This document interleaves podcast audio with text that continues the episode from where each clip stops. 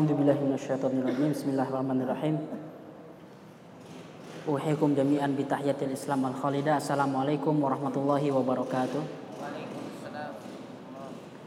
Innal hamdalillah nahmaduhu wa nasta'inuhu wa nastahdihi wa nastaghfiruh wa na'udzu billahi min syururi anfusina wa min sayyiati a'malina.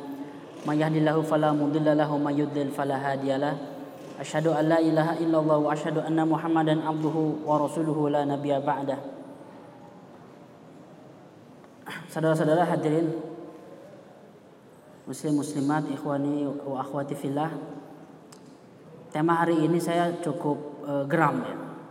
Karena tema ini bertepatan dengan momen-momen ketika tetangga kita juga mengalami penganiayaan yang tidak jauh beda. Jadi ketika lembar demi lembar saya mengkaji tema ini Halaman demi halaman saya baca Paragraf demi paragraf terbayang semua tetangga kita yang tidak jauh di Asia Tenggara di Rohingya menghadapi penderitaan yang mungkin lebih berat dibanding apa yang diderita oleh Rasulullah Wasallam karena pembantaian ini. Jadi ini mengajarkan kita bahwa sejarah berulang, sejarah berulang dan musuh-musuh kebaikan orang-orang zalim itu mempunyai cara-cara yang persis, cara-cara yang sama, metodologi-metodologi yang diulangi dengan wajah yang berbeda-beda dengan alat yang macam-macam. Hari ini semakin berkembang alat-alat untuk e, pemusnahan umat manusia ini. Jadi ketika saya menyiapkan materi ini, yang terbayang adalah bagaimana nasib orang-orang bukan hanya di Myanmar, bukan hanya di Burma. Ada pembantaian juga ada di negeri lain. Di daerah pecahan Uni Soviet atau di Eropa Timur uh, yang sekarang masih mempunyai pengaruh nih Rusia ini juga nggak kalah lah. Pembantaian etnik, uh, ethnic cleansing itu di Bosnia. Di Bosnia itu sampai anak-anak orang uh, itu susah ingin mencari silsilah orang tuanya. Kenapa? Nggak jelas. Rata-rata mereka dilahirkan dari bapak para pemerkosa. Yang ibu-ibunya asli ibu-ibu muslimah atau daerah Albania atau Kosovo jadi hal-hal seperti ini pemboikotan itu berulang-ulang sepanjang sejarah sehingga ini mengajari kita sebuah kaidah bahwa setan itu sama. Minal jinnati wan nas. Kategori setan itu dari jenis manusia itu sama dari zaman dulu sampai sekarang. Selalu ada orang-orang yang kayak gini yang niatnya adalah mengintimidasi, menghancurkan umat manusia yang lain walaupun caranya berbeda-beda. Pekan kemarin kita sudah membahas tentang hijrah ke Habasyah dan Islamnya Umar bin Khattab dengan Hamzah bin Abdul Muthalib. Dua orang ini adalah dua orang yang sangat penting, tokoh yang sangat berpengaruh. Yang gara-gara dua orang ini masuk, jalan dakwah berubah total. Jalan dakwah yang tiga tahun ini dakwah sembunyi-sembunyi, total sembunyi-sembunyi. Lalu tiga tahun setelahnya sembunyi-sembunyi sebagian, sebagiannya terang-terangan, tergantung status sosial dan tergantung bagaimana tingkat kekuasaan keluarganya itu tiba-tiba setelah dua orang ini masuk Islam berubah. Jadi latar belakangnya setelah umat Islam ini berhasil hijrah ke Habasyah yang kemarin sudah kita bahas, sudah tidak mampu lagi ditarik pulang. Di lobi oleh Amr bin As gagal, disogok gagal, ingin juga diboikot, di, uh, dijaga perbatasan agar tidak hijrah gagal, karena selalu bisa hijrah gitu. Siapa yang mempunyai keinginan pasti akan mendapatkan manjada wajada. Jadi kalau udah bersungguh-sungguh ingin hijrah banyak caranya gitu. Sebagian sahabat ada yang sampai di kerangkeng, ada yang sampai di dibui, di penjara agar apa? Oleh bapaknya sendiri agar tidak hijrah. Tapi tidak bisa membandung gelombang besar hijrah ke Habasyah sana. Yang nanti sahabat-sahabat ini hijrah di Habasyah tinggal di sana kurang lebih 15 tahun. Rasulullah hijrah ada perang Badar, ada perang Uhud mereka nggak pulang. Disuruh di sana tetap menetap di sana. Jadi sudah menjadi PR permanent resident sana. Dapat visa 15 tahun. Nah, apa yang terjadi di Mekah? Jadi setelah kita dua pekan kemarin membahas Habasyah, kita balik lagi ke Mekah. Kalau anda lihat satu per dua lebih dari setengahnya sejarah Nabi Muhammad ini, sejarah kenabian ini semuanya penderitaan semuanya penindasan. 13 tahun di Mekah ini penindasan. Sehingga sampai nanti episode 13 atau 14-an kita masih membahas tema tentang Mekah sebelum hijrah ke Madinah. Latar belakangnya setelah hijrah ke Habasyah berhasil, Islamnya Umar dan Hamzah ini mempengaruhi, umat Islam makin berani. Kata Ibnu Mas'ud ini, "Ma kunna a'izah mundu an aslama Umar, ma a'izah mundu an aslama Umar." Kata Abdullah bin Mas'ud. Jadi dia bilang, kita menjadi gagah, kita menjadi bangga, kita menjadi berwibawa, kita menjadi mempunyai harga diri, izah sejak masuk Islamnya Umar bin Khattab. Sebelumnya sembunyi-sembunyi, nggak ada yang berani. Yang berani Abu Bakar paling, Utsman. Kenapa? Keluarganya kaya. Atau dia orang kaya, punya duit, bisa nyawa, bukan nyawa bodyguard, bisa ada kerabat-kerabat yang menjadi backing. Tapi orang-orang jelata, orang-orang sederhana itu nggak bisa. Nggak bisa terang-terangan, bukan dakwah, nggak bisa terang-terangan ibadah. Jadi ada masanya ketika umat Islam untuk salah saja harus sembunyi-sembunyi. Untuk salat saja harus ngampar sajadah, bukan ngampar sajadah ya, belum ada sajadah. Harus e, salat di pinggiran kota Mekah di padang pasir. Kenapa? Kalau di dalam rumah mungkin ada keluarganya yang syirik, yang kafir. Kalau di tempat terbuka di depan Ka'bah apalagi bisa digeroyok. Ada sahabat-sahabat yang dikeroyok. Abu Bakar pernah dikeroyok oleh orang-orang Quraisy padahal dia mempunyai backing Ibnu Dugunna. Padahal dia orang kaya, apalagi orang-orang jelata. Tapi ketika Umar dan Hamzah ini masuk Islam, langsung hari itu juga ketika Umar masuk Islam itu tiga hari setelah Hamzah masuk Islam, bikin kampanye, bikin karnaval, dua barisan, satu dipimpin Umar, satu dipimpin Hamzah, bilang Allahu Akbar, la ilaha illallah Muhammad Rasulullah. Laqad ja'ul haq wa dhaqal batil. Wa dhahabal batil. Telah datang kebenaran dan telah pergi kebatilan yang hari ini kita dengungkan yel-yelnya kalau lagi demo ya. Ketiga, latar belakangnya akses dakwah semakin tersebar. Jadi hijrahnya umat Islam ke Madinah itu ibarat perwakilan resmi satu bangsa Quraisy. Kenapa? Karena yang hijrah itu bukan hanya orang-orang dari Bani Abdul Muthalib atau Bani Hashim. Bukan dari Bani Abdul Manaf. Bukan kerabat Rasulullah saja, bukan paman Rasulullah saja. Ada dari Bani Makhzum, ana dari Bani Umayyah, ana dari Bani Adi, ada dari Bani eh, Bakar, dari berbagai kabilah. Sehingga ini menjadi perwakilan, seakan-akan perwakilan resmi bangsa Quraisy yang menyebarkan Islam, menyebarkan dakwah di sana, di Ethiopia, di Habasyah. Selain itu, perdagangan kan tetap lancar. Perdagangan Habasyah itu ke mana-mana, umat Islam semakin tersebar. Kalimat Islam itu mulai didengungkan oleh orang Syam, oleh orang Irak, oleh orang Mesir, oleh berbagai negeri.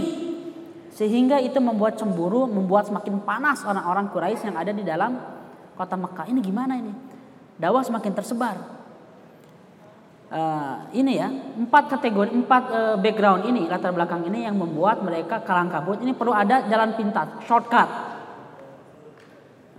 jalan pintasnya apa yang pertama kita bahas dulu tentang inspirasinya ya Muslim dengan kualitas dasar terbaik akan memberi pengaruh terbaik jika ia memahami agama dan peran sejarahnya. Manusia ini seperti barang tambang, saudara-saudara. Ada yang emas, ada yang perak, ada yang perunggu, ada yang besi, ada yang kaleng, ada yang tepung terigu.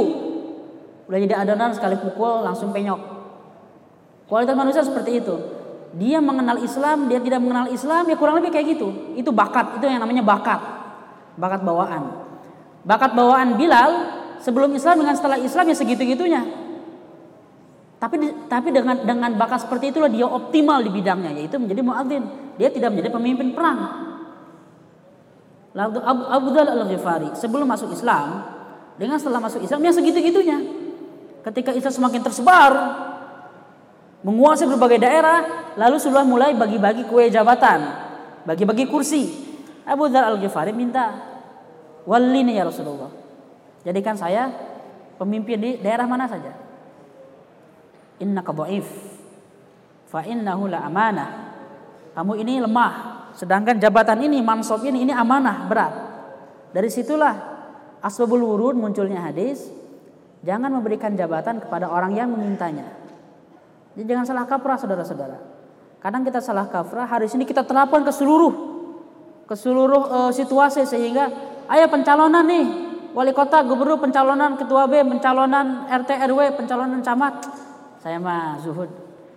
Jangan mencalonkan diri karena itu tidak nyunah. Kalau Anda punya kualitas, kalau Anda punya skill, kalau Anda punya gagasan, maju. Itu muslim. Seorang muslim. Jangan biarkan jabatan, posisi, kursi, jangan biarkan menjadi anggota dewan, yang menjadi wali kota, menjadi gubernur orang lain yang tidak mempunyai kepentingan, yang tidak mempunyai obsesi untuk membangun umat Islam ini. Kita maju. Saya maju, Anda maju. Jadi ini konteksnya terhadap Abu Dhal Al-Ghifari. Nah, ketika mempunyai skill, mempunyai bakat, dia memang tukang dagang, jago dagang gitu, memusuhi Islam. Setelah jadi Muslim, jago dagang juga. Ini jago perang Khalid bin Walid. Dalam perang Uhud dia yang mengalahkan umat Islam dengan pasukan kavalerinya mengitari gunung Uhud sehingga umat Islam kacar kacir. Ketika dia masuk Islam, dialah menjadi panglima perang Mu'tah. Jadi seperti itu umat manusia. Sehingga Umar bin Khattab dengan Hamzah bin Abdul Muthalib ketika masuk Islam berubahlah situasi dakwah menjadi dakwah jahriyah tamah. Dakwah jahriyah yang sempurna, terang-terangan. Ini semakin membuat mereka kalang kabut.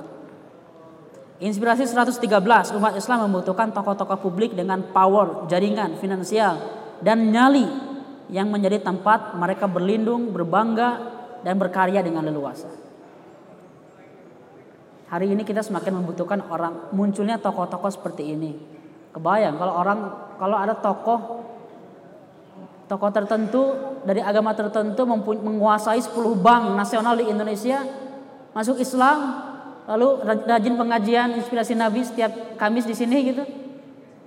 Lalu saya bilang, "Ayo infakkan uangnya untuk bikin proyek." Ini Salman itu udah 10 tingkat kayaknya. Udah 10 tingkat. Infokusnya dua gede layarnya full segede gini segede uh, ininya segede dindingnya ada pencahayaan di mana-mana ada lightingnya kameranya yang lebih gede lagi streaming TV nasional. Kira-kira seperti itu sekali infak orang yang mempunyai skill potensi jaringan dan finansial. Tapi masih beberapa step lagi ya ke sana ya Insya Allah Masjid Salman kita doakan mudah-mudahan mampu membeli lighting mikro, mikrofon yang bagus, sound yang lebih pas, pencahayaan yang lebih oke, okay, uh, lalu juga proyektor yang lebih tajam walaupun dari jarak jauh dan layar, layar yang gede banget. Dan para marbot masjidnya, korinya, imamnya semuanya sejahtera, 20 juta sebulan gajinya. Nggak, bukan bukan mustahil, bukan mustahil dan itu itu yang ter, itu yang terjadi ya di masjid-masjid yang makmur itu dimakmurkanlah pemuda-pemuda yang hatinya tertaut di masjid. Kalau yang makmur itu orang-orang yang hatinya terpaut ke pub, ke diskotek, dimakmurkan di sana ya orang-orang pindah ke sana.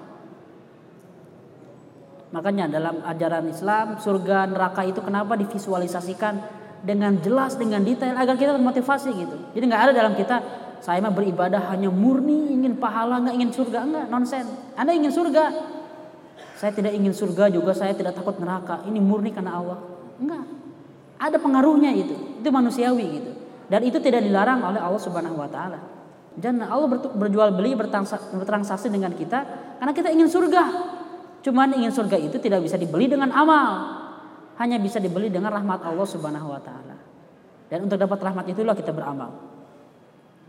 Jadi tokoh-tokoh seperti inilah yang bisa menjadi backing yang membuat ketika, ketika kita ketika kita bergerak itu leluasa. Ketika kita berdakwah ada backingnya, ada sponsornya. Ketika kita bikin acara, ini ada dukungan support medianya karena dia bos medianya misalnya. Itu pentingnya tokoh-tokoh elit mendukung Islam. Nah sekarang apa yang dilakukan oleh orang-orang Quraisy di Mekah setelah melihat perkembangan dakwah yang semakin gesit? Mereka mencoba dulu cara halus. Ini pernah saya bahas di sesi, di episode ke-8 kalau nggak salah tentang diplomasi Rasul. Itu khusus saya sediakan waktu hanya diplomasinya. Tapi momen diplomasinya itu sekarang ini nih, ketika setelah hijrah Habasyah dan masuk Islamnya Umar dan Hamzah. Tapi sudah pernah saya bahas sebelumnya. Saya saya ulangi sedikit. Jadi Utbah bin Robiah ini seorang seorang diplomat Quraisy melobi Nabi Muhammad SAW datang seorang diri Cobalah kasih tawaran, jangan-jangan dia ini ingin sesuatu. Datang, dipujilah macam-macam. Ya ibni akhi in kunta inna turidu biha. Turidu bima jita bihi min hadal amr malan jama'na laka min amwalina hatta takuna aktsaruna mala. Dia nawar dulu. Saya ingin ngasih sesuatu nih. Kata Nabi Muhammad jawabannya sangat elegan sekali dan ini bisa kita contoh. Dia bilang, "Kul ya Abul Walid." Coba silahkan kamu presentasikan apa yang kamu mau. Asma, saya mendengar. Siap dengar. Dibuka telinganya lebar-lebar, tidak interupsi. Begitu dua kali, eh sebentar, nggak nggak nggak kayak gitu. Didengarkan total seluruhnya. Kalimat pertama yang dilakukan, yang dia katakan, ya Muhammad, wahai anak eh, anak saudaraku dia bilang menjawab apa menjelaskan kedekatan. Kalau yang kamu inginkan ini harta, uang, dia bilang, kami kumpulkan seluruh uang-uang kami sehingga kamu menjadi orang yang paling kaya di Quraisy. Wa in kunta turidu bihi syarfan sawadnaka alaina. Kalau kamu ini ingin menjadi petinggi, orang yang paling terhormat, kita akan jadikan kamu pemimpin. Di atas kami semua hatta la naqtu amran sampai kami tidak memutuskan apa pun kecuali dengan izin kamu. Wa in kunta turidu bihi mulkan malaknaka alaina. Kalau Anda ini ingin jadi raja, kami angkat menjadi raja the king of the apa? The king of the Makkah. Bukan of the north ya. The king of Makkah. Kalau kami ingin jadi raja, kami jadikan Anda menjadi raja bagi kami semua. Sebelumnya tidak ada kerajaan, tidak ada menteri, tidak ada pemerintahan. Di Quraisy itu, di Mekah itu hanya ada paguyuban yang seling berkumpul di Darun Nadwa. Jadi tidak ada raja, yang yang ada hanya kepala-kepala suku seperti PBB lah. Nanti ada sekjennya, ada yang mengelola urusannya. Tapi dia bukan pemimpin tertinggi, bukan. Hanya orang yang paling didengar, yang paling berwibawa. Ada dua orang yang paling berwibawa. Abu Talib dengan Amr bin Hisham atau Abu Jahal. Dua orang yang dianggap ditinggikan. Hanya dua-duanya saingan. Abu Talib dari Bani Hashim. Dari Bani Abdul Manaf. Sedangkan Abu Jahal dari Bani Makhzum. Satu kabilah dengan Khalid bin Walid. Saingan terus. Lalu dia mengatakan utbah ini. Wa in kana hadal amr ya'tika ra'yan tarahu la tastati' raddahu an nafsik talabna laka tib wa badalna fihi amwalana hatta nabra'aka minhu kalau kamu ini ini kalimat ketiga ini halus cuma nggak sopan. Penghinaan cuman halus sekali. Kalau kamu lihat ada sesuatu dalam diri kamu dan kamu tidak bisa melepaskan sesuatu itu sesuatu dia bilang kami akan carikan dokter terbaik. Kita keluarkan uang, kita carikan dari mana-mana sehingga kamu bisa sehat lagi. Maksudnya kalau kamu sakit jiwa, kalau ada ayan, kalau ada masalah psikologis, bilang nanti kita carikan dokter. Enggak sopan, cuma halus caranya. Fa rajul hatta yudawi minhu. Setelah itu dia beres. Apa yang dikatakan Rasulullah? Rasulullah mengatakan Akad farok ya Abal Walid sudah selesai belum ya Abal Walid? Tanya dulu. Keluarkan seluruhnya, keluarkan dulu seluruhnya sampai nggak ada tersisa sehingga gampang nyerangnya. Dia bilang naam. Fasma minni. Sekarang dengarkan apa yang akan saya katakan. Orang yang sudah dikasih cara komunikasi seperti ini susah untuk menolaknya. Kalau dari, dari tadi Muhammad ini menyela terus, jadi debat kusir kan, nggak ada yang beres. Kalau ini sudah dikasih kesempatan seluruhnya, barulah saya mau ngomong boleh nggak? Kayak gitu kurang lebih. Kalau di ELC kan, wah susah debat orangnya belum beres udah di, udah dipotong. Entar sebentar saya klarifikasi. Ini menyangkut nama baik gitu. Saling memotong-memotong gitu. Orang-orang yang berdiplomasi dalam kehidupan nyata jangan kayak gini. Diam. Bereskan dulu orang lain. Kalau yang namanya diskusi itu ada yang dengar, ada yang ngomong. Kalau orang ngomong kita ngomong, siapa yang dengar? Lalu Rasulullah SAW tidak membantah, tidak mengklarifikasi, bahkan tidak mendebat setiap kalimat-kalimatnya. Enggak. Siapa bilang saya mau uang? Siapa bilang saya mau uh, kesehatan? Siapa bilang saya mau jadi raja? Enggak. Dia hanya membacakan ayat Al-Quran. Hamim. Tanzilu minar rahmanir rahim. Terus dibacakan uh, sampai beberapa ayat ya, tidak hanya ayat, tiga ayat. Beberapa ayat dibacakan. Setelah itu selesai. Tidak ada kata-kata, tidak ada naam, tidak ada la, tidak ada ilaliqa, tidak ada masalah langsung pulang. Karena mikir. Si Abdul Walid ini mikir, Utbah bin Rabi'ah ketika pulang, orang-orang Quraisy nunggu nih, gimana nih? hasil diplomasi Utbah bin Robi'ah. Berhasil nggak? Mudah-mudahan berhasil. Ketika datang wajahnya sumringah. Laqad jaa Abdul Walid biwajhi alladhi ghayru wajhi alladhi dhahaba bih. Abdul Walid sudah pulang dengan wajah yang berbeda seperti wajah ketika dia dia, dia pergi katanya. Wajahnya sumringah. Apa yang dia katakan? Dia malah bilang, "Wahai bangsa Quraisy, ini sami'tu qaulan," dia bilang. Qad sami'tu ya Abdul Walid, dia bilang, waroi di belakang saya maksudnya kabar yang tepat dia eh, apa hasil diplomasinya ini konsumi itu kaulan wallahi ma sami'tu mithlahu qattun wallah ma huwa bisya'ri wala bisihri wala bil kahana saya sudah mendengar sebuah kalimat yang demi Allah ini bukan syair bukan juga sihir bukan juga jampi-jampi mantra-mantra ya masyarakat Quraisy ati'uni wa ja'alu habi taati saya dan nurut ke saya biar saya manage urusan ini. Khullu baina hadzal rajul wa baina ma huwa fihi fa'taziluhu. Udah, tinggalkan aja anak orang ini dengan semua persoalannya tinggalin aja. Kita beruzlah dari dia, kita kita mengasingkan diri dari dia jangan diganggu. Kenapa dia bilang? Fa wallahi la yakunanna liqaulihi alladhi sami'tu minhu nabaun adzim. Kenapa? Karena dari kalimat yang saya dengar dari mulutnya ini ada sebuah berita besar dia bilang. Fa in tusibul arab faqad kufaitum faqad kufaitumuhu bi ghairikum wa in yadhar 'ala al arab fa mulkuhu mulkukum wa 'izzuhu 'izzukum wa kuntum as'adun nas bih. Kalau orang-orang Arab di luar sana mengalahkan Muhammad ini, ya udah beres berarti kan? Kalian nggak usah memerangi Muhammad, dia kalah sendiri di depan orang Arab.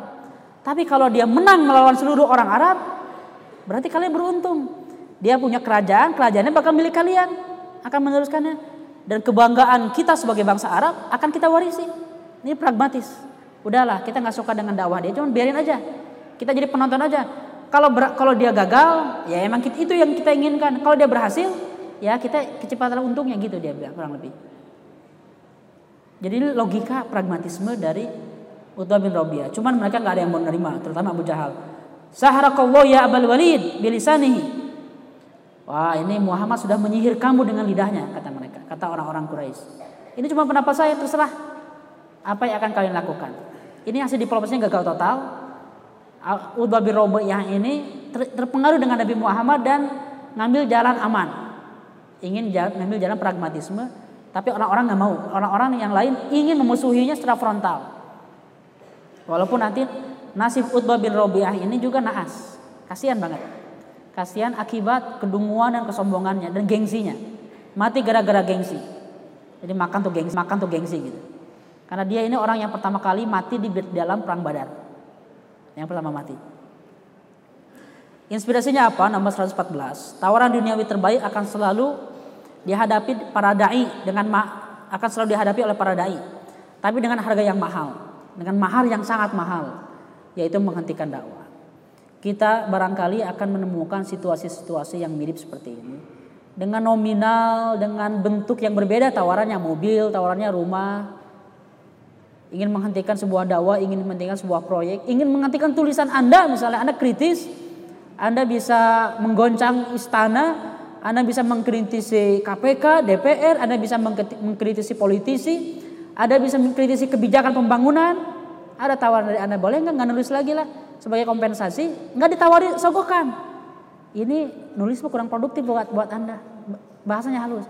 Lebih baik ngurus proyek nih ada proyek bisnis anda ngurus seribu kafling rumah nih anda pengelolanya kurang lebih untungnya 100 juta sebulan nih ngurus perumahan ini anda terima setelah anda terima tidak ada lagi satu kata yang anda telurkan di media massa bukan sogokan apa mengalihkan kita dari agenda yang real untuk perjuangan dengan cara yang halus dikasih proyek.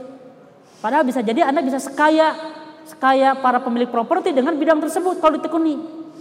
Karena Allah Subhanahu wa taala yang akan ngasih rizki ketika kita profesional di satu bidang. Betapa banyak jurnalis-jurnalis yang super kaya.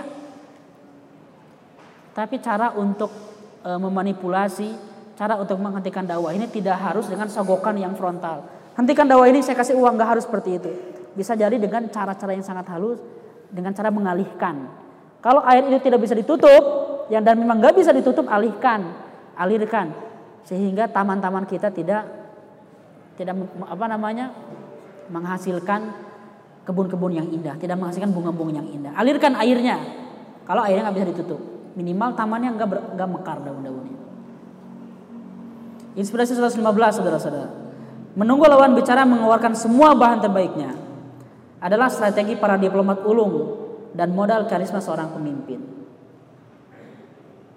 Coba Anda lihat rata-rata para pemimpin besar yang bijak, yang berkarisma itu dia sangat sangat sedikit kalimat yang keluarnya gitu. Sangat sedikit kalimat yang keluarnya. Kenapa? Karena mahal. Bahasa-bahasanya kalimatnya sudah jadi mahal kalau sudah menjadi pemimpin negara. Jadi kalau ada pemimpin negara, wah, baceo gitu apa? Eh, apa istilahnya cerewet, cerewet segala ngomong bahaya. Satu kalimat masuk ke Twitter, satu kalimat terekam seluruhnya. Jangankan sudah menjadi pemimpin negara, pemimpin nasional, sudah menjadi public figure saja, yang setiap kalimatnya, setiap materinya, setiap ceramahnya, setiap statementnya terekam oleh media sosial, oleh kamera masuk ke YouTube, oleh uh, live streaming di Facebook, kalimatnya sudah menjadi abadi. Andaikan internet masih eksis 100 tahun ke depan, itu masih bisa diakses. Tersimpan di dalam server. Jadi hati-hati dengan kalimat, sedikit sedikit mungkin mengeluarkan kalimat kalau tidak penting. Dan inilah Nabi Muhammad ini, kalau nggak nggak perlu kalimat keluar, nggak keluar kalimatnya, diam dulu, dengarkan dulu seluruhnya dari lawan bicara, barulah dia counter. Gagal, lobby yang halus, dicoba lobby kedua, lobby intimidatif terhadap Abu Talib. Datang 25 orang, Abu Jahal, lalu Abu Sufyan, Utbah bin Rabi'ah, Suhail bin Amr, ini para pembesar datang semua. Anda bayangkan, ini intimidatif ini. Satu orang didatangi 25 orang gitu. Apa tawarannya? Ini tawaran harus juga cuma kurang ajar, lebih kurang ajar lagi ini kita ini bangsa Arab ini sudah terpecah dua. Antara kami dengan kalian. Antara Bani Abdul Manaf, Bani Hashim dan Abdul Bani Muttalib dengan kita yang kontra dengan Muhammad. Cobalah serahkan Muhammad kepada kami. Kenapa? Karena Muhammad ini dilindungi oleh Bani Hashim dan Bani Abdul Muttalib, dilindungi oleh keluarganya, oleh paman-pamannya, oleh saudara-saudaranya, oleh sepupu-sepupunya dilindungi. Kalau ada satu orang dari Bani Makhzum dari Bani Umayyah yang mencenderai Nabi Muhammad, Anda tahu sendiri konsekuensinya. Kemarin kita bahas siapa yang sudah memukul Nabi Muhammad? Siapa? Abu Jahal ya, kemarin kita bahas. Abu Jahal memukul kepala Nabi Muhammad dengan batu sehingga berdarah. Memukul saja datang Hamzah bin Abdul Muthalib di depan Ka'bah, di depan keramaian, di depan para loyalis Abu Jahal, dipukul kepalanya dengan busur panah, dihantam sampai bercucuran darahnya, nggak ada yang berani mengelawan Hamzah. Kenapa? Karena tahu adatnya. Kalau sudah berbuat salah, harus bertanggung jawab bisa dibalas oleh orang-orang yang menjadi loyalis musuh kita. Musuhnya Muhammad, kalau dia mencederai Muhammad, maka seluruh kabilahnya akan perang. Dan bangsa Quraisy paham hal ini. Mereka mau perang, tapi kalau perang, ekonomi hancur. Tidak lagi perziarah yang haji ke Mekah, tidak ada lagi yang ibadah. Kalau nggak ada yang ziarah, tidak ada lagi pemasukan ekonomi. Tidak ada perdagangan, hancur kalau ada perang. Sehingga bangsa Quraisy itu meminimalisir perang. Yang dia inginkan adalah Muhammad saja. Karena kalau pentolannya ini mati, dakwah selesai. Nah, mereka melobi dengan dengan ingin mengintimidasi. Tolong berikan ke kami Muhammad, kalian harus ridho agar kami bunuh dia bilang. Jadi ini episode-episode awal sebenarnya serem bunuh, pembunuhan, penganiayaan, penindasan. Karena emang ini sejarah. Tapi harus kita ambil inspirasinya apa? Ini orang sudah dikepung oleh 25 orang, gentar juga. Gentar dalam arti e, melobi Nabi Muhammad agar dakwahnya dihentikan. Syarat lain, oke okay, nggak kita bunuh, asal dakwahnya selesai berhentikan. Akhirnya Abu Talib ini datang ke Nabi Muhammad dan bilang e, apa namanya di lobi lagi udahlah dakwah ini selesaikan saja kamu boleh sholat kamu boleh menyebarkan Islam di keluarga saja tapi tidak tidak disebar ke yang lain ini adalah tawaran sekularisme memisahkan agama dari kehidupan anda boleh Islam Anda boleh beragama, Anda boleh menyembah Tuhan Allah Subhanahu wa taala, tapi jangan bawa ke politik, jangan bawa ke ekonomi, jangan bawa ke pendidikan, jangan bawa ke kampus. Kampus anti dakwah, anti agama. Ini tawaran dari bangsa Quraisy. Kata Nabi Muhammad ditolak. Ditolak lagi, enggak. Sampai akhirnya mereka balik perlu mencari strategi baru. Inspirasinya 116 jika jebakan persuasif tidak berhasil, maka musuh kebaikan akan memulai proyek ancaman keamanan yang serius. Ini saya lihat di beberapa negeri ya, bukan di Indonesia. Di beberapa negeri ketika eh, seruan-seruan persuasif apa pelarangan legalitas pembangunan masjid di beberapa negara itu susah berhasilnya. Bahkan beberapa gereja itu dibeli oleh umat Islam menjadi masjid. Seperti di Belanda langkah yang dilakukan oleh beberapa oknum musuh kebaikan adalah ancaman teror. Ancaman di mana-mana. Ancaman itu bisa jadi dengan skenario yang disediakan skenario melawan terorisme lalu kita harus melaw, harus memerangi terorisme karena banyak teror nah memerangi terorisme itulah memerangi imigran yang notabene mayoritasnya umat Islam ini terulang saudara-saudara cara seperti ini di zaman Rasulullah Shallallahu Alaihi Wasallam di zaman ketika Daulah Utsmaniyah runtuh, di Mesir ketika Mubarak masih masih jaya dan sekarang ketika Asisi ini Sampang Kudeta masih sedang jaya-jayanya. Hal inilah yang terjadi. Ancaman terus-menerus terhadap keamanan dan terhadap jiwa, terhadap nyawa. Akhirnya barulah ini yang dilakukan strategi strategi desperate ini yang udah putus asa. Udahlah. Kita boikot. Para pemimpin Quraisy yang kafir ini bersepakat, bikin koalisi, bikin kesepakatan, sepakat untuk memboikot bukan hanya ekonomi. Kalau dalam beberapa buku tarikh kita baca uh, Hisor al-Iqtisadi, Boy, apa embargo ekonomi. Padahal bukan hanya ekonomi, tapi embargo total sebutnya, pemboikotan total. Mereka mengatakan bersepakat ala Allah yankihu ilaihim wala yunkahu ala yunkahu ilaihim wala yankihuhum wala yabi'uhum syai'a wala yabta'u minhum wala yad'u sababan min asbabi rizq yasilu ilaihim mereka tidak akan menikahkan anak-anaknya tidak akan mengambil juga anak-anak mereka untuk dinikahi.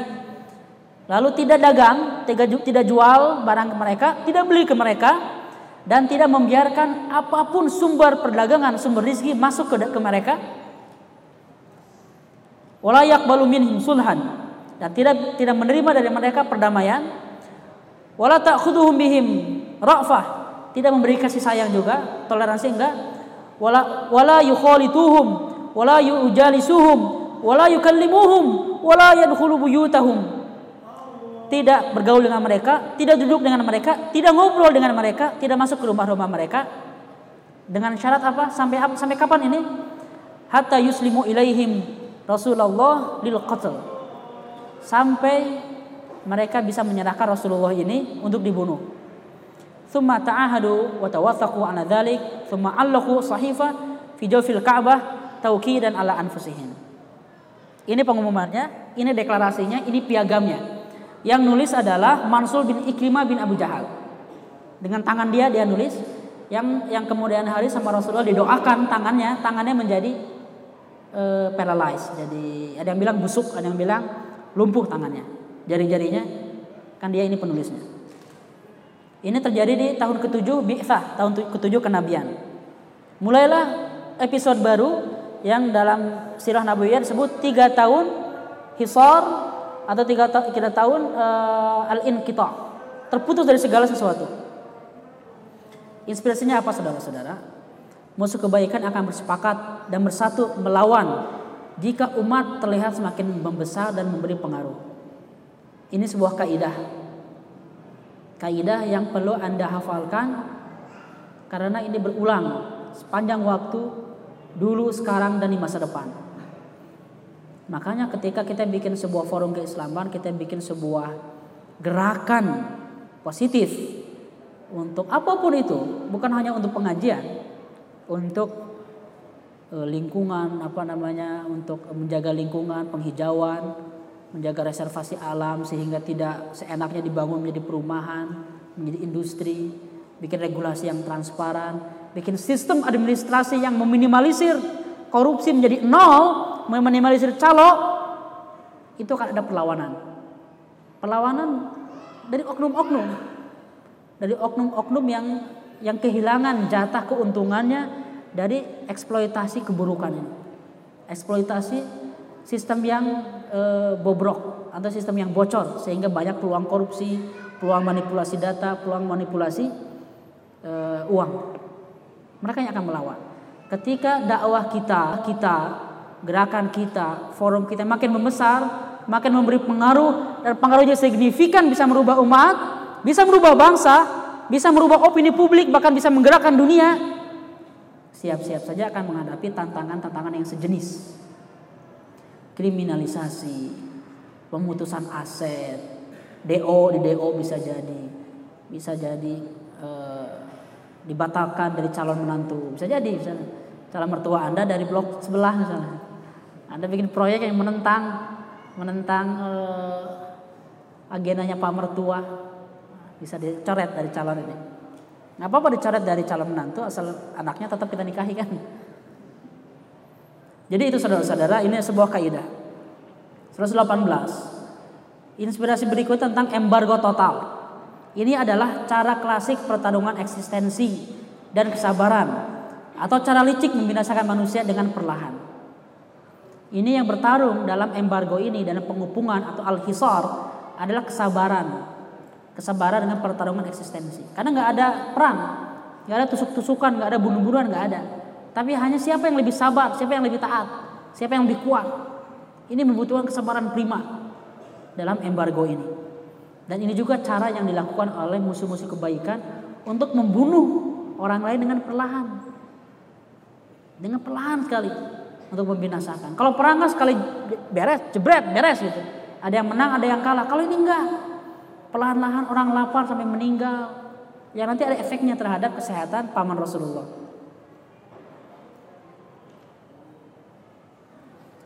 Ketika pengumuman ini dideklarasikan, dipasang sahifahnya itu di depan Ka'bah, di sebuah ruangan dipasang ditempelkan sehingga orang-orang bisa melihat piagam ini, deklarasi ini. Lalu Abu Talib mulai konsolidasi, konsolidasi. Lalu dia mengajak seluruh Bani Hashim dan Bani Abdul Muttalib dari keturunan Bani Abdul Manaf ini untuk membela Nabi Muhammad. Yang Muslim atau yang masih kafir semuanya membela, solid. Kecuali satu orang. Siapa itu? Abu Abu Lahab. Abu Lahab paman Rasulullah. Bahkan anaknya Abu Lahab ini menikah dengan putri-putri Rasulullah. Anaknya Abu Lahab ini. Jadi besannya, pamannya dan besan Rasulullah. Tapi dia yang keluar dari koalisi umat koalisi Bani Hashim ini keluar dan dia laporan, saya tidak ikut dengan mereka, saya bersama kalian. Dia cari aman. Jadi dia masih bisa dagang, dia bisa bisa bisa hidup enak. Sedangkan kaumnya Bani Abdul Muthalib dengan Bani Hashim ini sepakat untuk apa? untuk membela Nabi Muhammad mati-matian, yang muslim ataupun yang kafir. Termasuk pamannya kafir. Musyrik, tidak beriman. Termasuk paman Rasulullah eh, Abbas. Abbas bin Abdul Muthalib yang dari keturunan beliaulah berdiri daulah Abbasiyah selama berabad-abad, ini masih musyrik tapi membela Nabi Muhammad. Kenapa? Karena solidaritas keluarga solidaritas keluarga. Jadi koalisinya ini koalisi dengan non muslim. Muslim ada, non muslim ada. Lalu ada sebuah sistem, sistem kobaliyah, kesukuan. Sistem kobaliyah ini ada ada untungnya, ada ada ada ruginya, ada baik buruknya. Tapi dalam hal ini dipakai oleh Rasulullah sebagai para pendukung dakwah.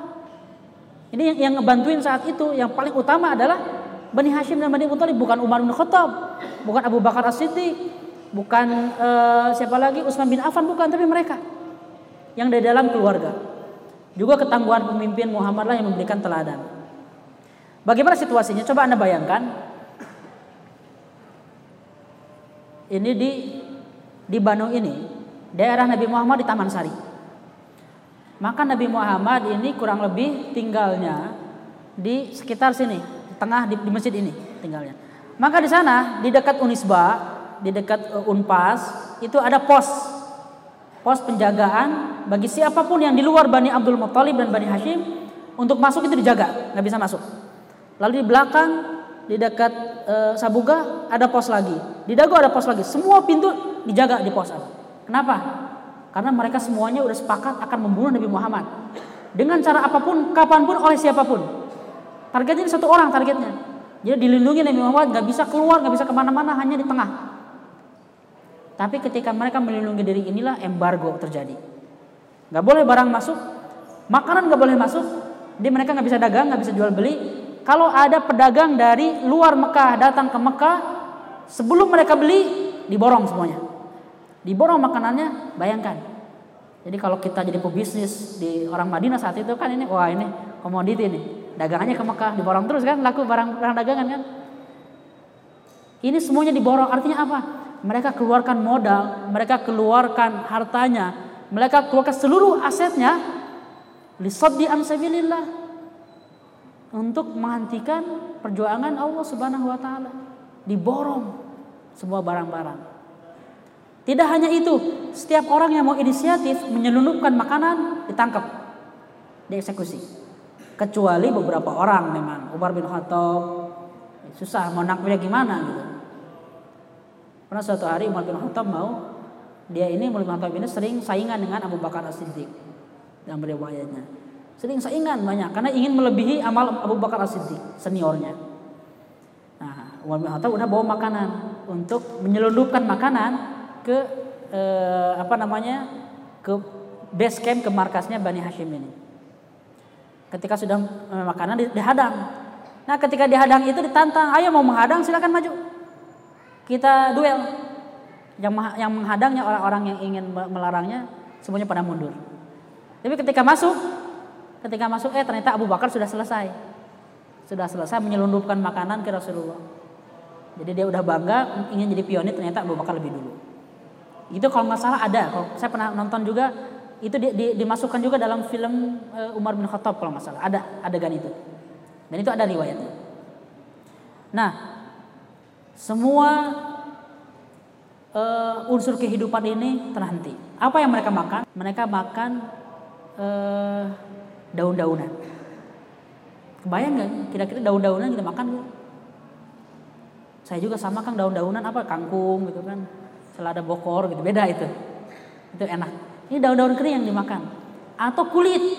Saya juga sama nih kalau di pasteur lagi lagi macet lama suka makan kulit. Oh beda itu dorok dok. Itu enak kulitnya. Ini, ini enggak. Ini kulit binatang-binatang, kulit-kulit bangkai.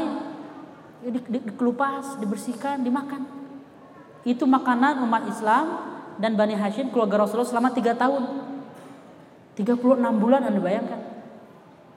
Hampir serib, lebih dari seribu hari Seribu hari lebih makan daun-daunan dengan kulit.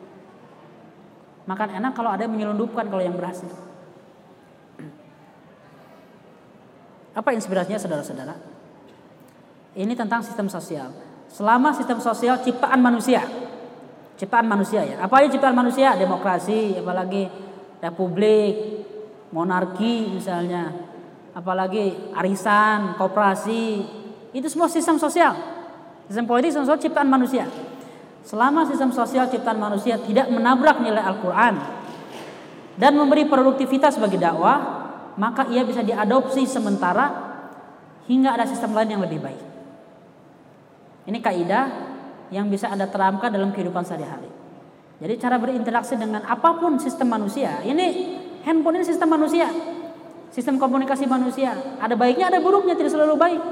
Buruknya bagaimana sudah mereduksi kemampuan apa eh, komunikasi kita dengan kerabat, dengan keluarga. Kita makin sering ngobrol tapi makin makin jarang silaturahim, sibuk dengan gadget. Bagaimana ini melalaikan kita dari baca Al-Qur'an? Ini ada negatifnya banyak gitu. Eh positifnya juga ada, makanya kita pakai. Selama ada positifnya kita gunakan sampai ada sistem yang lebih baik. Foto, gadget, WhatsApp, itu sistem manusia kita gunakan, ada positifnya. Sampai ada sistem yang lebih baik. Demokrasi sama juga demogra, demokrasi, lalu juga asuransi, itu adalah sistem-sistem ciptaan manusia untuk kemaslahatan kita. Parameternya dua, nabrak nilai Quran enggak? Ada ribanya enggak? Ada ribanya? Out. Ini ada manipulasinya nggak? Ada, out. Ini ada misalnya kecurangan nggak? Ada, out. Oh ini ada keburukannya, ada kebaikannya, kita timbang mana yang lebih banyak. Kebaikan lebih banyak, kita ambil. Keburukannya kita eliminir. Kita modifikasi terus sistemnya sampai ada sistem yang lebih baik. Ini pelajaran dari surah Nabawiyah ketika beliau menggunakan sistem rasial, ras, sistem rasial yaitu kobaliyah kesukuan membela membela saudaranya asalkan satu darah mau dia zolim mau dia dizolimi kita bela sehingga ada dalam pepatah Arab itu unsur akhaka zaliman au madluman. Belalah saudaramu itu ketika dia berbuat zolim ataupun dizolimi bela. Itu menjadi pepatah bangsa Arab. Ketika Rasulullah e, menjadi nabi, pepatah ini diulangi oleh Rasulullah. Unsur akhaka zaliman au madluman. Tolonglah saudaramu ini baik dia zolim ataupun dizolimi. Para sahabat nanya, "Ya Rasulullah, fa inna madlum nafham." Kalau dizolimi kita fahamlah, kita bantu. Bagaimana kita membantu saudara kita yang zolim? Kata Rasulullah, antam na'ahu minadz zulm. Apa artinya? Menalaknya, melarangnya, apa uh, apa istilahnya? Meng, uh, bahasa Indonesia, how to prevent, how to prevent. Ya itulah, how to prevent him dari berbuat zolim. Mengantisipasinya ya, bukan ya? apa? Mencegah. Astagfirullah. Mencegahnya dari berbuat zalim. Antam na'ahu minadh zulm. Mencegahnya dari berbuat zalim. How to prevent, prevention. Jadi ini sistem sosial apa pun bisa kita gunakan asal ada manfaatnya dan tidak bertentangan dengan nilai Al-Qur'an. Inspirasi 120 saudara-saudara. Benteng terakhir dari loyalitas pendukung adalah kekuatan pribadi seorang pemimpin. Ini benteng terakhirnya. Saat kualitas pemimpin jatuh, loyalitas pun berpotensi runtuh. Yang namanya uh, loyalty, kita bisa setia dengan seseorang ini. Ini hari ini susah. Kesetiaan orang itu dua, satu kepada yang dia cintai, kedua kepada yang ngasih dia nafkah. Itu loyalitas kita itu dua gitu umumnya. Kita loyal dengan istri, dengan suami, dengan orang tua yang kita cintai, loyal. Atau kita loyal ke bos. Selama bosnya ngasih gaji kan. Telat ngasih gaji, bosnya udah tanggal 7 ini belum gaji ini. Harus tanggal 25 bos ya. Ah, loyalitasnya udah mulai goncang gitu. Suruh piket enggak, kerjaan lambat, tidur. Atau misalnya apa eh, karya-karyanya tidak optimal, datang telat. Kenapa? Oh gaji telat misalnya. Itu loyalitas kita. Cinta atau uang. Tapi ada loyalitas jenis ketiga. Apa? Kekuatan karisma. Kekuatan pemimpin. Leadership. Aura, ketakwaan, kesalehan, kejujuran. Ini tidak ada rumusnya, tidak ada logikanya. Selama apa, selama sebertahan apa kekuatan karismanya dan kekuatan wibawanya dan kekuatan kesolehannya, selama itulah loyalitasnya akan akan bertahan. Sahabat-sahabat Rasulullah loyalitasnya terhadap Nabi Muhammad tinggi. Pada suatu hari Umar bin Khattab nanya, "Ya Rasulullah, engkau adalah orang yang paling aku cintai di dunia ini kecuali terhadap diriku sendiri." Jadi ada syaratnya kata Umar, kata Umar. Kau adalah manusia yang paling cintai, tapi saya lebih masih lebih mencintai diri saya sendiri dibanding engkau. Kata Rasul belum belum, itu belum benar. Sampai lebih mencintai aku dibanding diri kamu sendiri. Tapi ya Rasul, oke, okay, saya revisi, saya ralat kata Umar bin Khattab. Uhibbuka uh, uhibbuka min kulli syai hatta min nafsi. Aku mencintai engkau di atas segala sesuatu, bahkan di, atas diri aku sendiri. Sehingga nyawa bisa dikorbankan demi orang yang kita cintai. Kalau kita belum mau berkorban nyawa demi orang yang kita cintai, berarti cinta kita masih tinggi terhadap diri sendiri, melebihi cinta kita kepada orang lain. Nah, ini ya kecintaan seperti ini ada di antara para sahabat terhadap Nabi Muhammad. Tapi hari ini tidak ada nabi. Hari ini tidak ada sahabat. Yang ada hanya pemimpin, ulama, ustaz, syekh, tokoh publik, tokoh inspiratif. Yang menjadi modal mereka agar kita loyal hanyalah ini. Kualitas kepemimpinan. reputasinya. Jangan jangan bermain-main dengan reputasi saudara-saudara. Makanya nanti ada ilmunya, ilmu reputasi, branding, personal branding, ilmu komunikasi, ada ilmunya. Jangan main-main terhadap reputasi.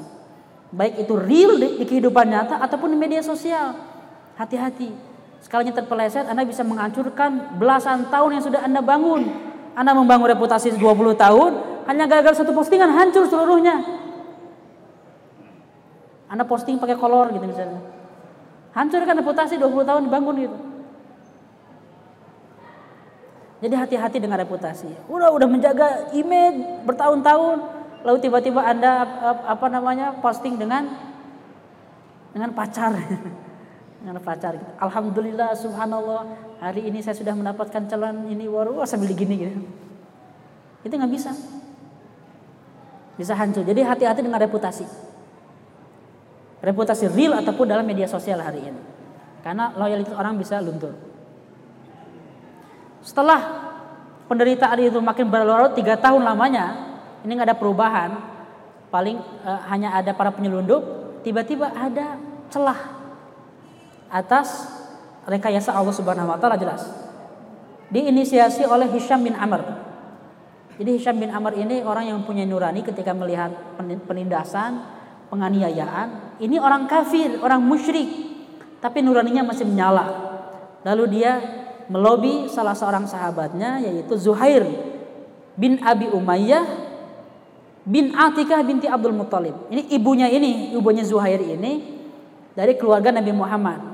Dari e, termasuk bibinya Nabi Muhammad atau uanya nggak tahu ya. Dia ngelobi.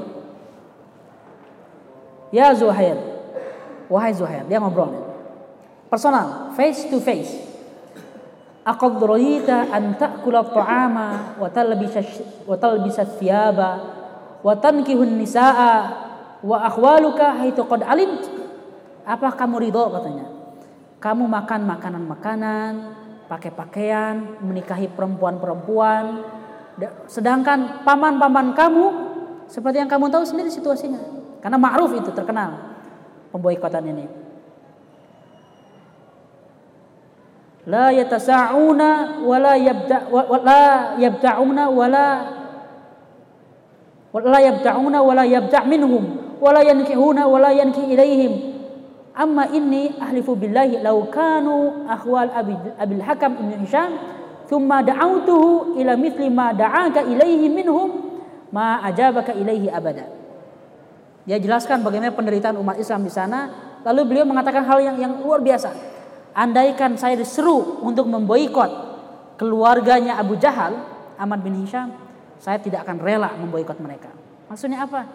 Ini saya membantu mereka ini bukan gara-gara Muhammad, tapi ini bantuan kemanusiaan. Saya tidak rela tragedi ini terjadi di keluarganya Abu Jahal. Karena saya punya, masih punya hati nurani. Tapi apa jawabannya? Wahyak ya Hisham. Famada asna? Inna ana rajulun wahid Muncul orang benar tuh, wayak tuh, celakalah kamu. Benar, saya ini hanya satu orang. Bagaimana saya merubahnya? Tapi kata Hisham bin Amr ini cerdas. Nggak apa-apa, santai. Wallahu, wallahi lau kana ma'i rajulun akhar lakumtu fi naqdiha. Kalau ada laki-laki yang lain yang bisa membantu kita, saya akan bela, kata Zuhair ini. Dijawab sama Hisham, tenang. Laqad wajata rajulan. Siapa? Ini ada orang lain siapa? Saya. Oh oke, okay. dua orang. Kita butuh yang ketiga. Mulailah dua orang ini ngelobi orang yang ketiga yaitu Mut'im bin Adi. Sama jawabannya di, di, di apa diiming-imingi perjuangan, di, disentuh hati nuraninya, rasa kemanusiaannya. Saya hanya satu orang, gimana bisa melawan seluruh bangsa Quraisy? Enggak, enggak seorang. Ada saya dengan ada Zuhair. Oke, saya siap bergabung. Saya bergabung. Asal ada orang yang keempat. Direktur orang berkeempat Abdul Bakhtari bin Hisham. Sama jawabannya, kita butuh orang kelima. Sampai datang lima orang, Jam'ah bin Aswad. Lima orang ini bersepakat bikin makar skenario. Kita perlu apa namanya langsung frontal terang-terangan melawan seluruh pemimpin bangsa Quraisy. Lalu mereka pergi ke ke tengah-tengah Ka'bah. Saya bahas dulu inspirasinya. Tragedi kemanusiaan akan selalu membangunkan nurani orang-orang mulia Maka bawalah isu umat Islam ini ke tengah umat manusia agar peluang peluang sokongan semakin luas. Faham? Faham relevansinya enggak kira-kira? Saudara-saudara yang saya hormati, tanpa me memandang kecil perjuangan saudara-saudara kita yang mengangkat bendera la ilaha illallah Islam Allahu akbar dalam demonstrasi. Tapi bagi saya, ini menurut saya, kita perlu memformat ulang cara kita memperjuangkan nasib umat Islam di luar sana. Kenapa? Karena barangkali yang akan menyeru, eh, yang, yang akan menjawab seruan Anda, seruan kita bukan hanya umat Islam, tapi seluruh umat manusia yang mempunyai nurani. Jadi sekarang kita sedang menghadapi menghadapi banyak sekali kasus kemanusiaan. Bukan hanya kasus soal soal agama, bukan. Ini kemanusiaan. Umat Islam yang kebetulan ditindas. Maka ajaklah umat umat agama lain untuk membela umat Islam, bukan hanya menyeru umat Islam. Karena apa? Efeknya dua kali. Satu, efeknya sokongan yang makin luas. Yang kedua, efeknya kita akan membuat umat Islam semakin termotivasi. Kalau orang Kristen, orang Hindu, orang Konghucu mampu membantu umat Islam, masa umat Islam nggak mau membantu? Tapi kalau isu yang kita yang kita uh, bawakan hanya isu agama, barangkali orang lain tidak akan terseru. Ya itu isu, isu agama kalian yang kayak kalian bela gitu. Sedangkan problem hari ini adalah problem kemanusiaan, saudara-saudara. Isu Palestina, contoh. Palestina ini ada pertarungan antara Islam lawan Yahudi atau penjajahan Israel terhadap bangsa asli orang Islam dan orang non Muslim juga di sana. Mana? Yang pertama atau yang kedua? Dua-duanya. Ini ada sentimen terhadap Islam, tapi juga ini isu kemanusiaan. Karena yang menderita di sana sebagian kecilnya adalah umat agama non-muslim. Sebagian besarnya umat Islam. Maka cara kita membawa isu Palestina, bawalah ke PBB isu kemanusiaan. Bukan untuk membela Hamas saja, tapi untuk membela orang-orang Palestina yang juga manusia. Ajak tuh orang-orang ateis, ajak tuh orang-orang yang Kristen juga untuk melihat ini. Anda rela kan ada orang-orang ditindas seperti ini? Anda rela nggak daerah misalnya di Solo, daerah di Meikarta, daerah di uh, Kopo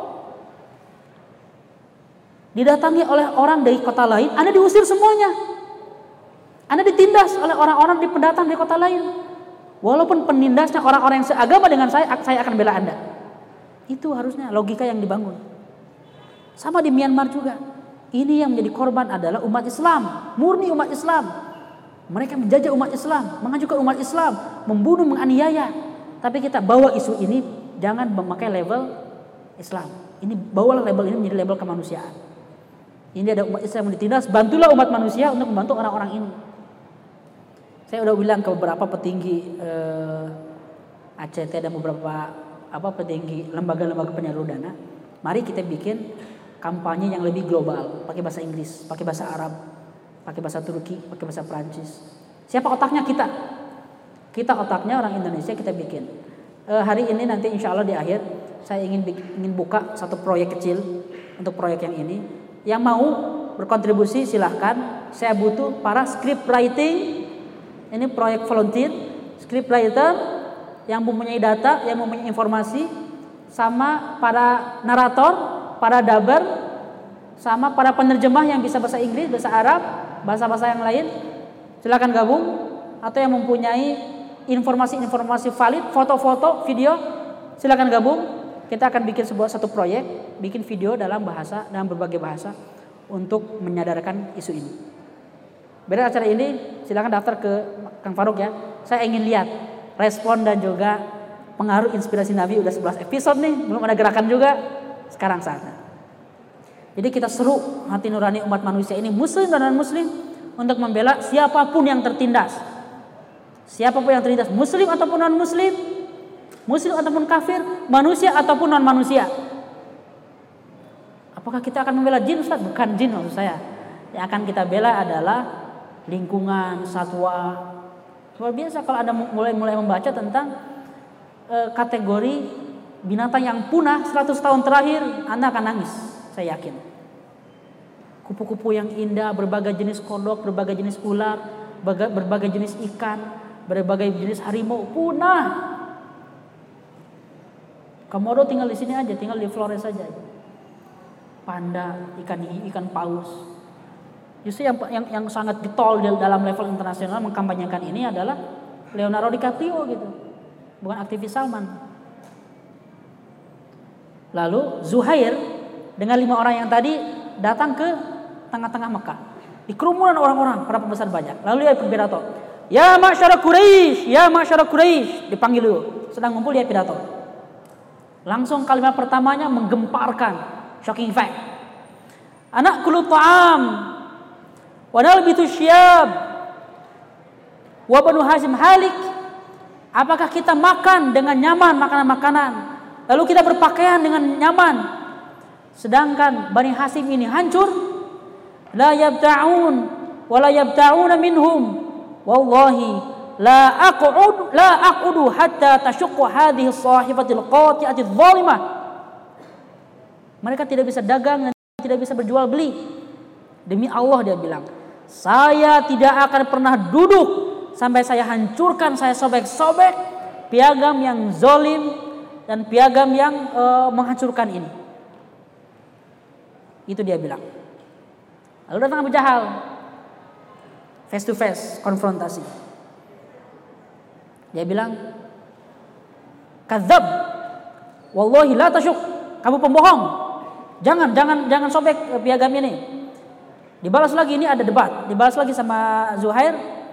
Anta wallahi akdzab. Kamu yang lebih yang yang rajanya tukang bohong. Ma radina kitabataha hina kutibat. Kita tidak pernah ridho, tidak pernah sepakat piagam ini ketika ini dibuat. Tapi di, dijawab lagi sama Abdul Bakhtari dibalas. Sadaqah Sadaqah zamah la nardo ma kutibat fiha. Betul yang dia katakan kita nggak ridho dengan apa yang ditulis dalam piagam tersebut. Wala nukir dan kita tidak akan pernah membiarkan piagam ini ada. Tapi udah tiga tahun nih. Lalu bilang lagi yang lain dibela, di, di, dibela lagi.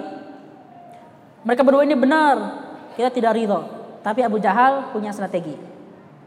Oke, kalian tidak sepakat. Tapi Abu Jahal bilang, Hada amrun qudiya bil lailin tashuru fihi fi ghairi hadal makan. Ini adalah persoalan yang sudah diputuskan dalam sebuah malam tapi bukan di tempat ini. Maksudnya apa? Oke, okay, oke okay, komplain bisa, tapi sudah di ACC ini sudah diketuk palu di tempat lain dan kalian tidak berhak melanggar kesepakatan yang sudah kita buat. Kenapa ke mana aja kalian selama tiga tahun terakhir? Kenapa ke mana aja nggak pernah ikut pertemuan kita sehingga kita kita bikin kalian nggak ikut? Kalau nggak ikut ya udah sepakat. Ini mengajari kita satu hal saudara-saudara, jangan pernah absen dalam partisipasi-partisipasi publik. Kalau ada kebijakan, regulasi, peraturan, perda, apa pun yang menyudutkan umat Islam, salahkan diri kita sendiri. Kenapa absen di situ? Ya kita kan bukan anggota dewan. Ya kenapa nggak nyalon? Kenapa nggak berpartisipasi? Kenapa nggak milih calon yang mendukung agenda-agenda umat Islam? Jadi kalau ada serangan ini, pertama kali yang harus kita pikirkan adalah evaluasi diri. Jangan-jangan bertahun-tahun kita absen dalam agenda-agenda strategis umat Islam sehingga di ujung baru kita komplain ini ada peraturan gini, peraturan gitu. Ya kita sendiri yang milih.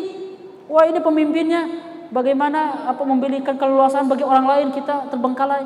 Ya kenapa salah sendiri kenapa dipilih? Ini pelajarannya saudara-saudara. Dan mereka nggak mampu membantah perkataan Abu Jahal ini. Karena benar. Nggak bisa seenaknya bikin kesepakatan dihilangkan nggak bisa. Walaupun kesepakatannya zalim. Tapi Allah Subhanahu wa taala mempunyai skenario lain. Ini debat terus mereka, nggak ada jalan temu. Abu Talib lagi di situ diam merhatikan. Kalau Abu Talib bisa keluar, bisa keluar ke mana-mana, tapi nggak ada yang ngajak ngomong. Kalau Nabi Muhammad dilindungi di tengah-tengah, dia merhatikan saja. Di waktu yang sama ada wahyu dari Allah Subhanahu Wa Taala. Apa wahyu itu? Nanti kita bahas. Inspirasi 122. Tikungan sejarah sering dibuat oleh gerakan konkret segelintir orang yang siap menjadi pionir perubahan walau jiwa menjadi taruhan. Jadi kalau ada proyek-proyek kebaikan, kalau ada peluang-peluang kebaikan, ayo bergerak. Tidak usah 100 orang, lima orang cukup merubah merubah jalan dakwah. Oleh segelintir orang, hanya harus konkret. Harus konkret, harus terlihat dan harus ada efeknya. Jangan hanya omdo, omong doang, jangan hanya teori. Bikin gerakan yang konkret. Makanya nanti ya kekonkretan forum kita terlihat dari jumlah pendaftar ke Kang Faruk habis forum ini. Jadi kalau kecuali kalau anda enggak nggak mau yang ini saya punya gerakan lain di luar silahkan. Saya juga punya gerakan lain apa? Komen di Facebook. Nah, nggak termasuk. Marah-marah di Facebook nggak termasuk. Ini ya, orang-orang konkret. Segelintir lima orang ini bisa merubah nasib umat Islam. Apa skenario Allah? Ada dua. Jadi di saat yang sama ketika debat itu datang wahyu, bukan wahyu, ada informasi terhadap Rasulullah dari dari malaikat Jibril dari Allah Subhanahu wa taala jelas bahwa kertas itu piagamnya sudah dimakan raya. Rasulullah di mana posisinya? Di base camp, di kabilah Bani Hashim. Di Syi'ab Bani Hashim, di perkampungan Bani Hashim. Dijaga, tidak bisa keluar. Kalau keluar bahaya. Tapi beliau tahu bahwa piagamnya sudah dimakan raya.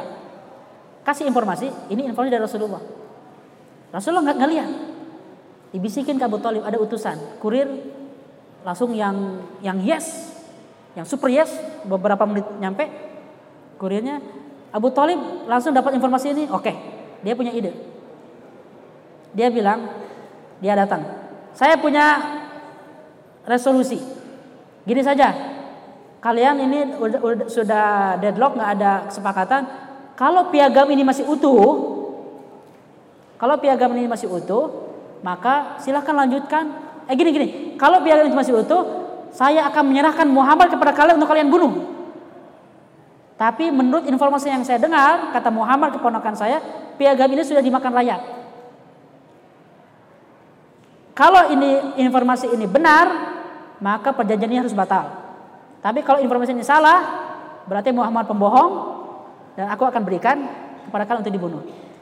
Saya ingin bertanya dulu, kira-kira ketika Abu Talib menawarkan gagasan ini, dia yakin gak dengan perkataan Nabi Muhammad? Yakin ya, tapi kenapa nggak beriman gitu kan sakit hati kita. Abu Talib ini orang yang 100% percaya dengan Allah Subhanahu wa taala, percaya bahwa keponakannya nabi.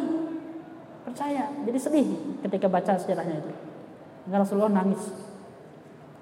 Mereka sepakat, oke. Okay, kami sepakat dengan usulan Abu Talib. Jadi ini uh, gambling ya, bisa belum bisa enggak kan? Tapi orang-orang Quraisy nggak percaya Nabi Muhammad jelas. Pasti ini bohong. Ketika datang ke sana betul. Seluruh piagam itu sudah dimakan raya kecuali satu kalimat setengah kalimat. Bismikallahum. Harusnya dengan nama Allah apa Tuhannya uh, Lata, Uza, Manat dan Hubal disebutkan berhala-berhala. Berhala-berhala semuanya sudah sudah termakan raya. Seluruh lembaran yang termakan raya kecuali Bismikallah dengan nama Allah. Setelah itulah takbir, lalu dikirim utusan bahwa semua sudah bebas dan mereka nggak bisa ngomong apa-apa. Kalah mereka dengan dengan wahyu dari Allah Subhanahu Wa Taala. Setelah itu apa? Ini soal mukjizat inspirasinya. Mukjizatnya seperti air hujan yang hanya bisa menumbuhkan kehidupan di tanah yang siap menerimanya. Hati yang tertutup rapat membuat mukjizat menjadi fitnah yang berat. Mau ada mukjizat, miracle, keajaiban, mau ada dalil, mau ada ayat, mau ada penjelasan yang logis apa pun, kalau hati kita tertutup karena dosa, karena maksiat, atau karena Allah menutup hati kita, nggak akan masuk itu hidayah ini akan masuk itu hidayah. Tidak akan menumbuhkan gitu. Jadi hati yang terbukalah yang bisa tumbuh keimanan itu seperti Umar bin Khattab. Ketika baca Quran, tumbuh langsung di hatinya. Seketika itu juga. Nah, sekarang apa? Lobby terlahir Abu Thalib. Ketika sudah selesai pemboikotan, akhirnya eh, orang-orang Quraisy ini makin semrawut, makin kalang kabut. Ini gimana nih? Gagal kita. Cuma kesehatan Abu Thalib semakin lemah sudah sakit-sakitan tiga tahun, usia 80 tahun, selama tiga tahun terakhirnya ini diboikot, kelaparan, sampai bukan hanya diboikot ya dalam ceritanya Abu Thalib itu setiap malam selama seribu hari lebih, lebih dari seribu hari setiap malam ngecek kasur Nabi Muhammad aman nggak, lalu pindahkan Nabi Muhammad pindah ke rumah yang lain tidurnya, cari siapa yang jaga malam pindah suruh tidur di kasur Nabi Muhammad, nanti cari satpam lain, bodyguard lain untuk tidur menjaga rumah rumah yang baru ini. Malam berikutnya pindahkan lagi terus bikin strategi selama lebih dari seribu hari. Bikin strategi memindahkan tempat tidur Nabi Muhammad terus untuk menjaga menjaga keselamatannya. Kenapa? Bisa jadi ada asasin, pembunuh bayaran masuk gitu kan, naik naik tangga apa loncat loncat ke atap gitu kan. Karena assassin itu sejarahnya di zaman Salahuddin Al-Ayyubi. Assassin itu ada sebuah uh, Hasan As-Sabbah pemimpinnya, dia bikin satu data, satu uh, kelompok pasukan khusus yang mereka tukang ngeganja. Mereka ngeganja terus pakai hashish. Hashish. Bikin sebuah perkebunan, bikin surga sendiri, bikin kenikmatan, bikin pesta seks sendiri, pesta makanan sendiri dengan mengatakan inilah surga kita di doktrin. Lalu mereka menjadi pasukan elit para pembunuh dengan di ini dikasih ganja terus hashish. Jadi orang inilah yang disebut hashish kaum hashashin yang orang barat menyebutnya assassin. Tapi dari hashish, hashish itu ganja atau hashashin, orang yang sering nyimeng. Para pembunuh itu sering nyimeng gitu ya. Jadi Anda jangan mengikuti kaum assassin ya, kecuali pakai kupluk nggak apa-apa ya. Nah, akhirnya mereka berpikir ini Abu Talib sudah makin lemah, jangan sampai kita menganiaya, mulai menganiaya Nabi Muhammad setelah Abu, Abu Talib meninggal. Apa kata dunia katanya? Mereka ketika Abu Talib ada nggak berani frontal terhadap Nabi Muhammad. Ketika Abu Talib meninggal, barulah mereka menyerang Muhammad. Berarti kita dianggap pengecut. Nah, mereka gengsi nggak mau dianggap pengecut. Mereka melobi sekali lagi, melobi, melobi terhadap Abu Talib agar menyalahkan Nabi Muhammad. Lobby terakhir. Dilobi lagi diminta dengan baik-baik, tapi apa jawabannya? Ya Abu Talib, innaka minna haitsu alimta wa qad hadaraka ma tara minal marad wa tukhawifuna alaika. Kamu ini orang terhormat di antara kami dan kamu sudah sakit-sakitan. Kita khawatir dengan kesehatan kamu, kata mereka. Wa qad alimta alladhi bainana wa baina ibni akhika fad'uhu. Dan kamu sudah paham kan Abu Talib, kita ini punya masalah bukan dengan kamu, bukan dengan bangsa Arab, hanya dengan keponakan kamu saja. Fahud lana minhu falyakuf anna wa nakufu anhu waliyada'na wa da'aunana wa nad'uhu dinana. Jadi tolong serahkan Muhammad ini sehingga urusan selesai, tidak lagi pertumpahan darah, tidak lagi kerusuhan di negeri ini. Lalu Abu Talib mengirim utusan terhadap Nabi Muhammad dikasih tahu proposal mereka ini untuk menyerahkan Muhammad terakhir kalinya. Jadi Abu Talib tidak mau menyerahkan, cuma ngasih informasi saja hasil lobby mereka ini. Gitu. Tapi apa yang dibilang Nabi Muhammad? Ini pesan Nabi Muhammad gini.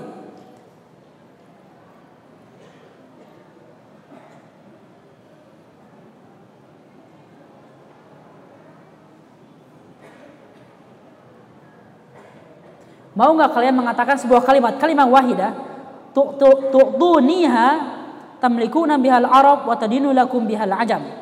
Mau nggak kamu menyebutkan sebuah kalimat, satu kalimat saja, dengan kalimat ini kalian akan menguasai seluruh Arab dan seluruh bangsa non Arab akan masuk dalam kekuasaan kalian. Mau nggak? Abu Jahal, naam, siap. Kalimat apa? Kata Abu Jahal, bahkan 10 kalimat akan saya berikan. Ini udah, udah antusias. Nyangkanya Nabi Muhammad sudah menyerah. Setelah dibombardir 3 tahun di, di embargo, nyangkanya udah nyerah. Siap katanya. Nabi Muhammad mengatakan, Takuluna la ilaha illallah wa takhla'u ma ta'buruna min duni.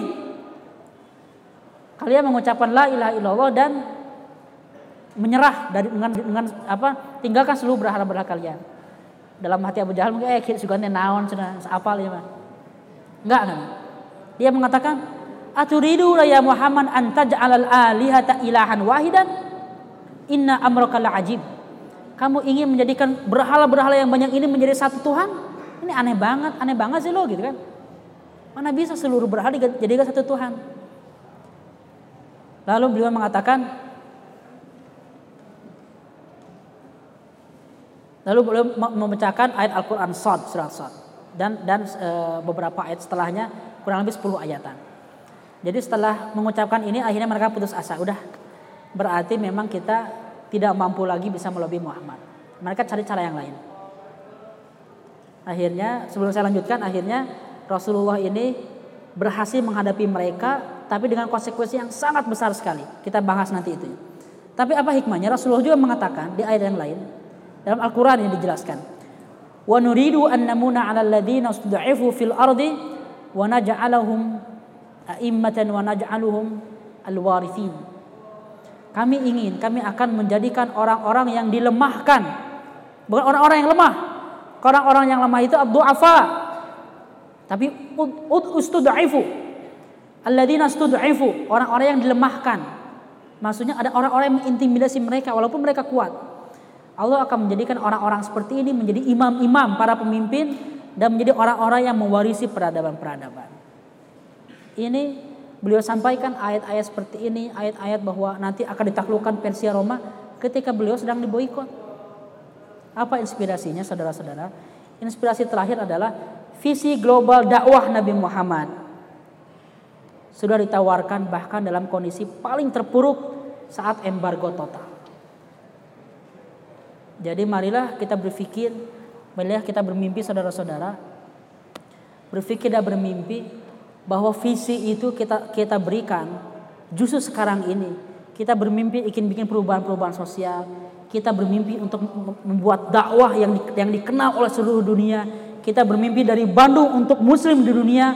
Kita bermimpi perubahan besar dari Masjid Salman ini. Kita bermimpi kita bisa membantu masyarakat muslim di Rohingya. Kita bermimpi bisa menggalang dana triliunan rupiah untuk mereka. Kita bermimpi hal-hal besar dalam kondisi yang terpuruk, dalam kondisi yang sederhana. Dalam kondisi kita mahasiswa yang punya uang 20 ribu untuk dua minggu. Jadi dalam situasi seperti itu kita bermimpi hal-hal besar. Nah kita bisa melakukannya. Tapi ini bukan tanpa harga yang mahal. Butuh perjuangan, butuh kesabaran, butuh ketabahan melihat orang-orang yang dicintai meninggal. Siapa yang meninggal? Pamannya akan meninggal. Yang membela Nabi Muhammad puluhan tahun. Istrinya yang menemaninya 25 tahun tanpa ada komplain. Semuanya diserahkan jiwa raganya akan meninggal. Lalu makin terpuruk, sahabat-sahabat makin diintimidasi, dakwah makin tutup, aset makin diberangus. Itulah tahun kesedihan. Itulah yang akan dihadapi Nabi Muhammad dan itulah yang akan menjadikan orang-orang Islam semakin kuat dan mencari lahan baru untuk berdakwah. Tapi itu akan kita bahas pekan depan insya Allah. Antara nilai dengan figur itu penting dua-duanya gitu. Yang kita butuhkan atau yang kita butuhkan adalah keseimbangan dua-duanya pada titik optimum. Bukan memilih satu-satunya gitu. Jadi jangan tempatkan diri kita untuk memilih dua hal antara dua hal yang dua-duanya setengah gitu. Lebih baik mana? Lebih baik uh, figur atau nilai? Lebih baik nilai dibanding figur. Enggak, lebih baik figur bisa ter, apa yang mempunyai karisma di, walaupun nggak ada nilainya. Nah, itu enggak. Cara milih kita bukan seperti itu. Yang kita inginkan adalah dua bagian ini yang optimum dua-duanya. Kalau enggak, kita ini akan dipilihkan antara dua dilema. Satu, kita mempunyai eh, kesepakatan nilai yang agung, tapi tapi ini tidak tidak memunculkan figur. Figur-figur kita nggak nendang, nggak menobrak, nggak terkenal, elektabilitasnya rendah, tidak mempengaruhi itu nggak bisa. Dalam Islam itu al-mala orang-orang elit itu mempunyai tempat yang sangat penting sekali vital dalam perjuangan dakwah. Ketika Umar bin Khattab masuk Islam, jalan dakwah dirubah. Ketika Ibnu Mas'ud, ketika Abu Dhar itu nggak berubah jalan dakwah. Ketika Umar berubah jalan dakwah. Ketika Abu Bakar masuk Islam, lima dari sepuluh orang yang dijamin masuk surga direkrut oleh Abu Bakar. Itu orang-orang elit. Sehingga tokoh itu penting sekali vital bagi kita menumbuhkan tokoh-tokoh yang rojulun bi alfir rojul. Satu orang laki-laki yang sebanding dengan seribu orang kualitasnya. Kita perlu menumbuhkan orang-orang seperti itu.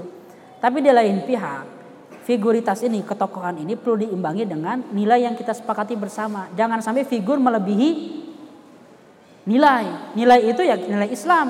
Jangan sampai kecintaan kita terhadap figur melebihi kecintaan kita terhadap Al-Quran, Islam. Misalnya, kalau ada kontradiksi antara statement, gerakan, ide seorang figur dengan nilai Quran, mana yang diikuti? Jelas kita mempunyai batasan yang jelas. Al-Quran, figur kita tinggalkan. Tapi jangan sampai kita dengan mengatasnamakan yang penting ini taat kepada Quran, tapi figurnya ini pas-pasan nggak bisa. Harus kita bangun dua-duanya. Dan jangan paksakan orang untuk loyal ketika kita nggak mau punya apa-apa. Kita ini bukan nabi, kita ini bukan sahabat. Maka ketika kita memaksakan orang lain loyal ke kita, kita menggunakan seluruh perangkat power yang kita punya. Jabatan. Anda ini anggota saya, Anda ini jamaah saya, Anda ini apa eh, pengikut saya, Anda terdaftar ke anggotaannya. Kalau masih mau masuk dalam anggota ini harus ikut ke saya. Gak usah mempertanyakan. Ya, ini bukan zamannya saudara-saudara. Kalau Anda di TNI bisa, harus seperti itu dalam dunia militer.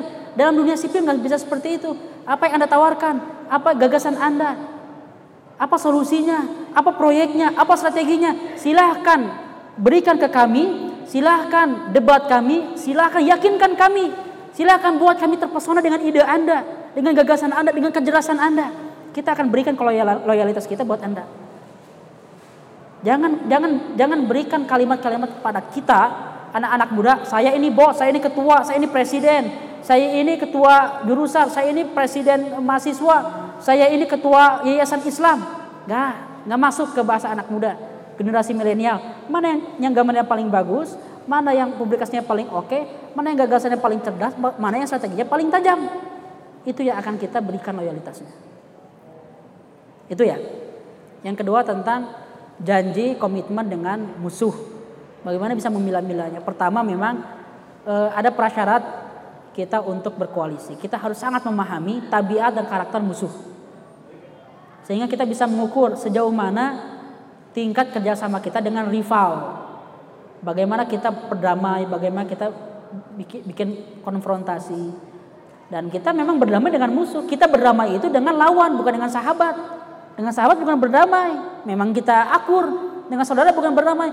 Kita we make peace with enemy. Kita berdamai itu dengan musuh justru. Tapi musuh yang mana? Musuh yang mempunyai harga diri. Tidak semua musuh itu apa namanya harus dihancurkan. Kadang lawan rival atau musuh itu kita perlukan untuk meningkatkan kapasitas diri kita. Tinggal kita bisa memilih-milih saja. Kalau ada tabiat musuh yang sudah kita analisis, ini pasti pasti uh, bikin makat, ini pasti akan menyalahi aturan, ini pasti akan berkhianat. Ya kita punya strategi B. Wah ini pasti berkhianat. Ketika dia berkhianat udah ada apa planning exit plannya kita eksekusi dia. Seperti Bani Quraidah. Rasulullah tahu. Ini ini orang-orang yang suka berkhianat, tapi Rasulullah sudah menyiapkan exit plannya sehingga mereka digempur diserang setelah mereka berkhianat. Atau Khaybar, Yodi Khaybar. Jadi Itulah pentingnya kita untuk berteman dengan siapa pun, bergaul bukan berteman ya. Bergaul dengan siapa pun, dengan teman, dengan sahabat ataupun dengan lawan, lawan politik, lawan eh, lawan diskusi. Dengan musuh-musuh kita harus harus bergaul walaupun dengan orang-orang yang berseberangan. Jangan pernah membiarkan handphone kita diisi nomor kontaknya ribuan oleh orang-orang yang sefikroh. Orang-orang yang sejalur dengan gaya hidup kita jangan setengahnya maksimal. Setengahnya lagi ada orang yang memusuhi, ada orang yang membenci kita, ada orang yang mengintimidasi kita. Oh banyak nomornya itu. Jadi setiap setiap buka WhatsApp tegang ini. Ini ada intimidasi ini atau ada apa namanya surat dengan antraks atau apa gitu. Tapi itu bagus untuk membuat kita selalu aware dengan sense of fighting ini. Naluri pertarungan karena hidup ini keras saudara-saudara. Pertarungan kita di mana-mana bukan hanya di dunia fisik, di dunia media, virtual, di dunia akademis, karir, bisnis, pertarungan ada di mana-mana. Jangan jangan mengharapkan musuh kita lemah, harapkan diri kita jauh lebih kuat. Itu yang saya bisa berikan pekan ini. Insya Allah pekan depan kita akan membahas tentang amul huzn. Tahun kesedihan dan peluang-peluang dakwah baru. Mohon maaf atas segala kekurangan. Aku lu qouli hada Wassalamu'alaikum warahmatullahi wabarakatuh.